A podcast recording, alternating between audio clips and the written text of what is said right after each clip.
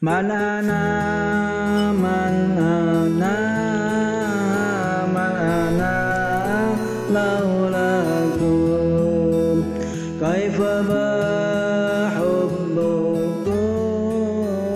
Kaifa ma ahwakum? Man ana Assalamualaikum warahmatullahi wabarakatuh. Waalaikumsalam warahmatullahi wabarakatuh. Apa kabar Ustaz? Alhamdulillah sehat walafiat. Mudah-mudahan pemirsa sekalian juga dalam keadaan sehat walafiat. Amin ya rabbal alamin. Nah, ini kita memasuki episode yang ke-8 Ustaz. Ya, Ya mudah-mudahan kita bisa terus istiqomah kan. amin. Jadi buat pemirsa informasi kita pindah channel nih. Iya, iya. Ya, karena ada kendala teknis kemarin. Mm-mm. Jadi kita pindahkan channel kita. Jadi silahkan juga kunjungi Channel baru berarti ya. iya channel baru dan halaman Facebook kita Ya. supaya apabila ada informasi-informasi terbaru bisa dilihat di sana. Mm-mm.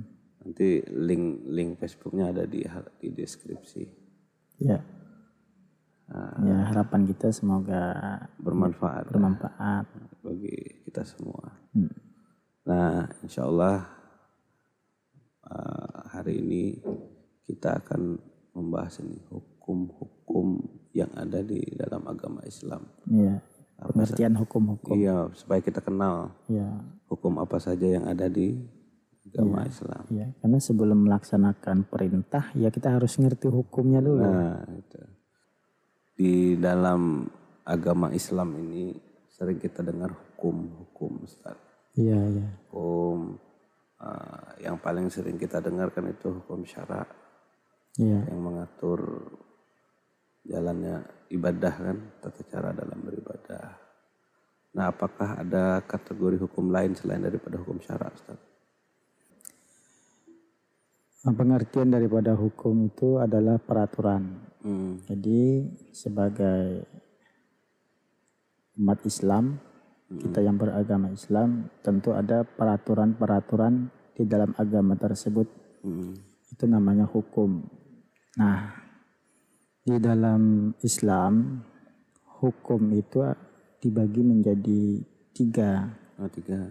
Ya, jadi ada namanya hukum syar'i, Hmm. itu uh, tentang peraturan-peraturan kita menurut agama. Hmm. Ada juga hukum akli. Akli. Ya, hukum akli itu peraturan bagaimana kita menggunakan akal kita dalam beragama. Hmm. Nah, dan juga ada namanya hukum adi. Yang ketiga hukum adi Hukum adi. yaitu eh, adat hukum adat kebiasaan. Ada kebiasaan. Nah, hukum adi ini tadi siapa yang Kalau hukum adi itu dibuat peraturan yang dibuat oleh manusia oh, peraturan apa? itu tergolong hukum adi. Oh, Ya, kalau hukum syara tadi aturan yang dibuat oleh Allah ya, yang Allah yang tetapkan itu ya. ya, Nah, sekarang kita coba bahas tentang hukum akal. Hukum akal di sini bagaimana itu Ustaz? Eh, hukum akal Hmm. ini eh, beragama itu menyesuaikan akal. Artinya agama itu tidak berbentuk tidak berbenturan dengan hukum akal. Hmm, hmm, hmm. Jadi sesuai dengan akal. Oh, Jadi di situ juga terbagi eh, hukum akal itu terbagi menjadi tiga. Eh, ada wajib hmm, menurut akal, juga mustahil menurut akal. Yang kedua mustahil menurut akal. hmm, Yang ketiga jais menurut akal. hmm. Jadi ada wajib, mustahil, Artinya, jais. artinya beda dengan wajib di hukum syara. Beda. Nah, perbedaan wajib daripada hukum syara.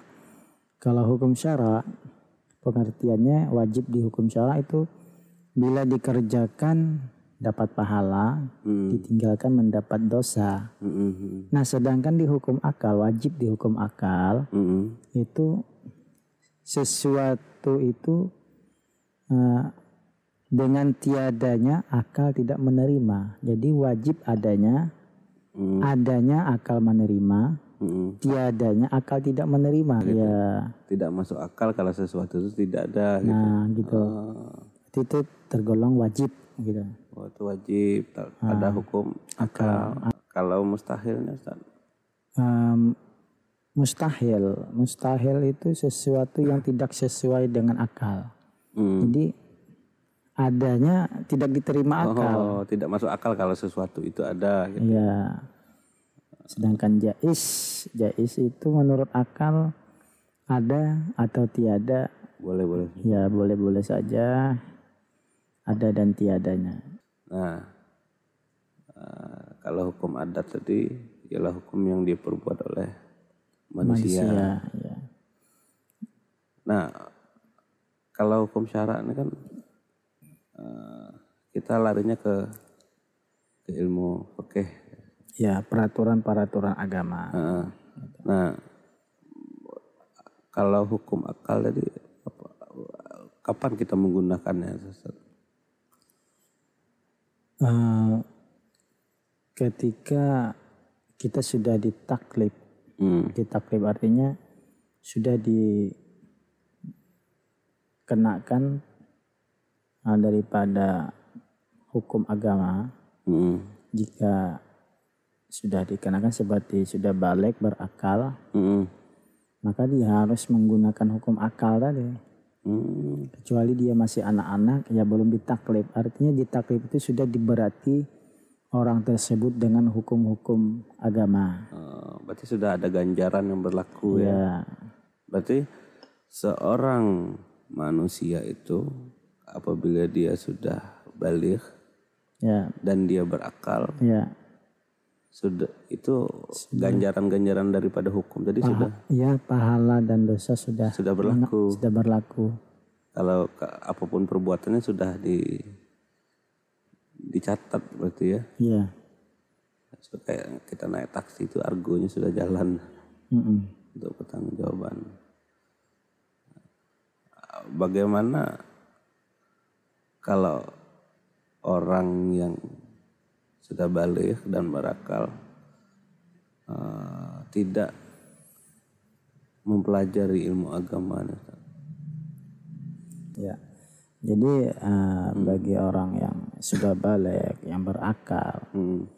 jika tidak mengetahui duduk perkara hukum yang tiga tadi, syar'i, akli dan adi, nah, maka ya terkena daripada eh, hukum ganjaran ya. iya ganjaran karena sudah dia ditaklif.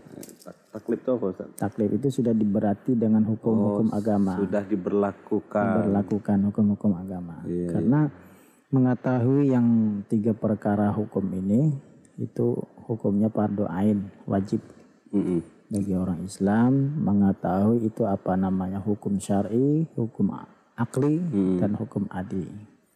Ya, berarti kan kelihatan perbedaannya tuh.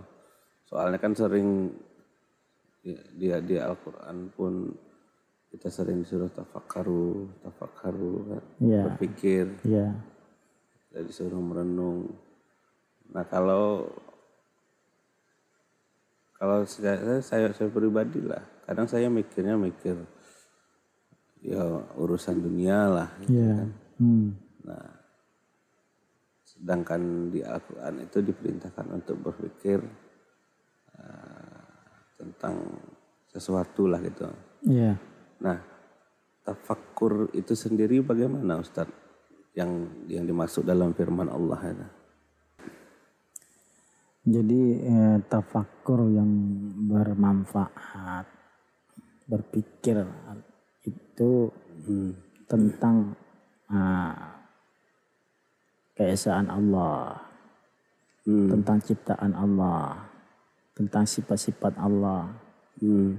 tentang akhirat, mat ketika kita nanti meninggalkan dunia ini, Hmm. huru hara kiamat. Nah, tafakur yang semacam itulah yang mendatangkan hati kita hidup. Hmm. Nah, itu yang ada ganjaran pahalanya. Kalau kita berpikir ya tentang dunia, tidak memikirkan hal-hal akhirat, ya itu tidak mendapatkan pahala. Hanya bermain-main dengan pikirannya. Iya. Ya kadang kadang terkadang tuh kita apalah eh, gini nah kebenaran itu datang daripada akal atau da- datang daripada perkataan Allah. Nah, sebenarnya kebenaran yang mutlak itu datangnya daripada Allah yang sesuai dengan akal kita. Sesuai dengan akal kita. Ya, tidak mungkin peraturan yang Allah turunkan itu tidak sesuai dengan akal. Mustahil itu ya. Mustahil. Karena Allah Ta'ala maha, ya, maha suci jadi. Iya. Ya, artinya bukan bukan dalil yang menyesuaikan akal kita ya. Iya. Tapi akal kita yang sudah memang harusnya memang sesuai dengan dalil Al-Quran. Iya. Kalau kita mau memang mau cari kebenaran ya. Iya. Karena yang sudah disiapkan dalilnya, tinggal kita bagaimana supaya akal kita membenarkan, Ya, menemukan kebenarannya. Ya artinya mem- memang akal kita yang ya, ibaratnya tuh dalil itu adalah ya kanalnya lah. Iya. Kanal yang yang kita jangan lari daripada eh, dalil dalil tersebut kan. Iya. Jadi akal akal kita walaupun seluas apa pun berpikir tetaplah pada parameter Iya. dalil tersebut kan. Ya dikhawatirkan gini nah Ustaz. Eh, kadang kita merasa gampang untuk berpikir ya orang anu orang pintar lah kita sebut gitu. Hmm. Dikaruniakan mudah dalam berpikir. Cuman dikhawatirkan akhirnya hanya mempercayai pikirannya sendiri gitu. Iya. Nah, apakah itu bisa disebut tafakur kayak gitu tuh? Dia lebih percaya pikiran daripada dalil gitu nah, misalkan. Nah, itu yang yang Berbahaya gitu. berbahaya. Karena mungkin bisa menyalahkan. Ini pernah itu kan diceritakan ada seorang yang pintar lah Iya. menanyakan kepada kiai Hmm. atau ustadz Hmm. mungkin sudah banyak juga para kiai atau ustadz-ustadz yang ditanyanya kebingungan Mm-mm. nah mungkin ah, dia merasa pintar selalu bertanya yang aneh-aneh Mm-mm. jadi bertemulah dengan seorang kiai situ dia bertanya kepada kiai beberapa hal pertama dia bertanya apa itu takdir nah Mm-mm. Terus eh, yang kedua dia bertanya lagi apakah tidak salah Allah ciptakan setan iblis itu dari api lalu dimasukkan lagi ke api. Hmm. Nah, karena apa? Menurut akal kan ya tidak sakit. Api sama api apa ndak tersiksa iblisnya. Iya karena sama sama jenis ya. Iya, gitu kan. Mm-mm. Nah, jadi hmm, terus kiai tadi makan malah menjawab, tapi dite- ditempelengnya. Nah, jadi ka- kaget lah anak nih tadi. Kenapa saya ditempeleng? Mm-mm. Saya kan bertanya betul-betul. Mm-mm. Nah, kata kiai itu jawaban dari pertanyaanmu. Iya. Nah, yang pertama takdir. Apakah kamu menyangka pada hari ini atau bermimpi tadi malam saya tempeleng kata kiai. Oh katanya tidak saya sangka sama sekali dapat tempelengan ini. Nah itulah takdir. Oh, artinya kita tidak tahu takdir kita ya. Ya. Mm. Terus Ustaz. Nah, jadi artinya kan takdir itu semua sudah diatur oleh Allah. Gitu. Oh bukan bukan bukan aturan kita ya. Ya. Terus yang kedua, tangan saya terbuat dari apa? Kata kayak itu, dari kulit. Terus pipimu sama dari kulit. Apa rasanya? Sakit. Nah, itulah. Iya, iya. Jadi ya Ya, ya terasa sakit, Terasa ya. sakit. walaupun satu satu satu satu jenis anunya. ya. Jadi ya kadang tuh ya pikiran kita eh, dalam beragama ya tidak juga harus kita mengedepankan pikiran, tapi harus dengan keimanan. Ah, Gitu. artinya- Kadang ada juga ya kalau memang titik kurang masuk akal lah api sama api merasa panas. Ya. Tapi kalau kita beriman percaya jika dikehendaki Allah ya bisa sa- bisa bisa bisa saja itu ya. bisa-bisa saja terbakar, kepanasan. Malahan lebih tersiksa lagi iblis itu dibakar di api neraka. Nah itulah uh, tentang masalah pikiran tadi. Hmm. Ya soalnya pikiran ini ini bagi ya bagi bagi saya pribadi nih Ustaz. Itu bisa jadi sangat bermanfaat. Ya. Karena orang yang selalu bertafakur ke- kepada Allah, selalu ingat kepada Allah, itu nilai daripada ibadah atau pahalanya pun sangat besar Allah berikan. Bahkan Allah sering mengatakan dalam hadis Nabi itu pahalanya lebih bagus daripada 70 rakaat daripada sembahyang. Atafakur sa'atan khairun min ibadatin sab'ina Hmm. rakaatin. Ya di situ kan cuma kita harus tahu berpikir kalau kita bisa kan berpikir yang ide-ide lah gitu. Yang yang pikir yang aneh-aneh juga tidak bermanfaat kan. Iya. Malah mudarat jadinya. Artinya tafakur yang dimaksud di situ tentu ada tafakurnya kan. Tafakur tentang apa gitu nah. Iya.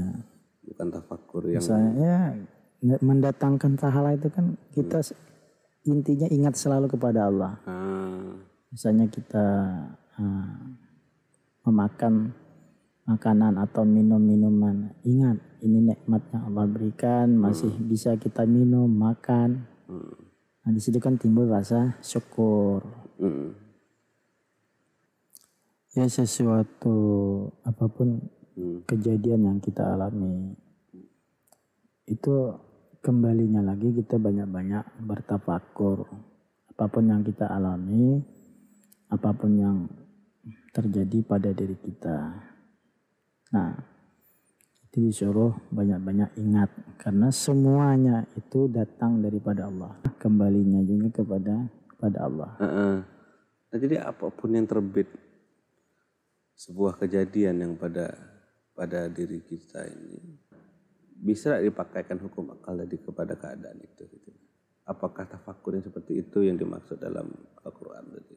Yang Ustaz jelaskan tentang tafakur yang sesaat itu ya lebih baik daripada oh, tujuh 10 kali sembahyang. Jadi artinya tafakur itu eh, memikirkan Mm, memikirkan sesuatu yang kembalinya lagi ke dalam hati. mm, Nah, terbitnya pikiran masuk ke dalam hati. mm, mm.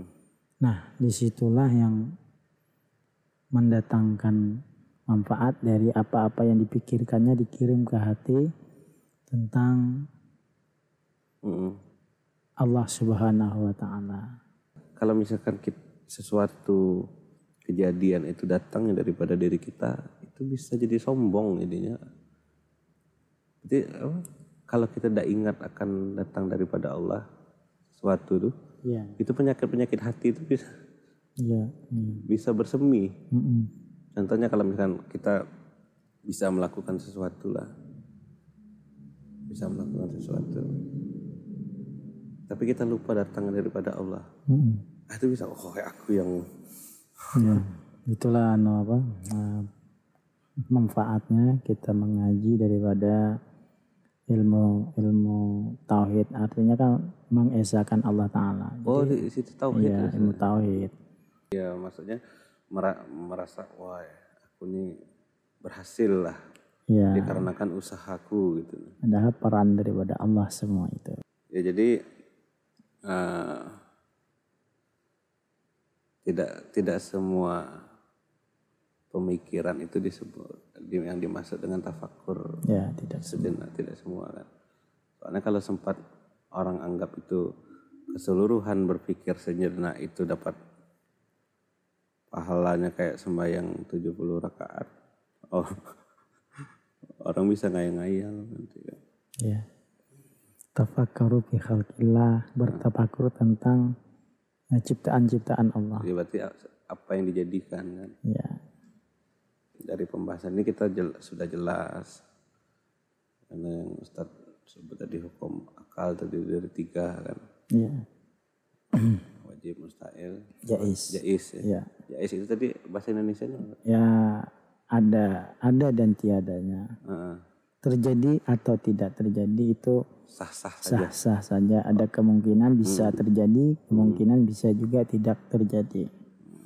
Contohnya kayak seperti ah, si Ahmad ya, Hmm. kawin, nikah. Hmm. Ini kan hukumnya jais. Hmm, hmm, hmm. Jais tadi bisa punya anak, bisa juga tidak. Oh, jais itu pada kejadian ya. Ya pada kejadian. Hmm, hmm, hmm. Jadi terus seandainya diberi oleh Allah anak. Jadi anaknya tadi jais juga bisa umurnya sehari, seminggu, sebulan Hmm, atau 70 tahun yang akan datang baru meninggal. hmm. Ya takutnya kalau misalkan orang menggabungkan jais tadi kepada hukum syara boleh-boleh saja berarti saya ini tidak sholat kan Nah, bahaya gitu kan Ya, itu lain kanalnya lah. nah artinya kan hukum akal ya pada kejadian Iya. hukum syara pada Nah, pada peraturan agama, peraturan peraturan dalam beribadah kan undang-undang undang-undangnya kan yang harus dipenuhi. Jadi kalau soal hukum akal tadi lebih kepada apa-apa yang eh, kejadian kan, Ya. Bukan bukan bukan ibadah. Nah itu sering tercampur urusan. Akhirnya orang menjaiskan syariat. Jadi eh, orang yang menggunakan hanya hakikat, Eh, ya, tidak menggunakan syariat, hmm, tidak menggunakan Hmm. syariat, maka itu dihukumi Penjaranya. ah bukan Eh. pasek Oh pasti. melakukan dosa-dosa ya, ya meninggalkan perintah-perintah Allah itu kan pasek. Mm, Tapi orang yang syari- yang syariat saja tapi tidak tidak ma- mengerti hakikat, Hakikat. Ya itu bisa jatuh kepada jindik. Parah. Sama-sama parah deh. Iya. ya. Jadi seimbangkanlah gitu. antara syariat dan hakikat. Ya, berarti sudah jelas anu eh, kalau hukum akal dipakai di mana, hukum syariat dipakai di mana. Nah sekarang hukum adat nih. Ya, Bagaimana? Hukum adat itu terbitnya munculnya dari kebiasaan kita Mm-mm. yang berulang-ulang sehingga men- menyimpulkan demikian. Oh, jadi ada keadaan yang berulang berulang-ulang, Ya, lalu disimpulkanlah oh ini yang terbaik gitu. seperti misalnya kalau api itu hukum adatnya terkena kayu yang kering Mm-mm. Kebakar. pasti terbakar, Iya. wajib terbakar. Karena kebiasaannya seperti itu. Oh itu adat itu ya. Ya, Tapi Nabi Ibrahim tidak terbakar. itu kan masuknya ke hukum akli, Oh, beda. oh lari, larinya Ya, kalau ke hukum akli itu sah-sah saja ya. jais. Oh jais itu. Jais karena setiap uh, makhluk itu dihukumi jais. Nah, si- apa saja yang diciptakan Allah Hmm.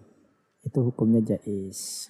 Mm-mm. Ya, bisa, terjadi, bisa, juga tidak. Walaupun seperti api ya. Ya, seperti api itu kalau dihukum akli kan jais, masuknya ke jais. Nah, bisa terbakar, Bisa tidak. bisa tidak. Jika Allah menghendaki tidak terbakar, Hmm.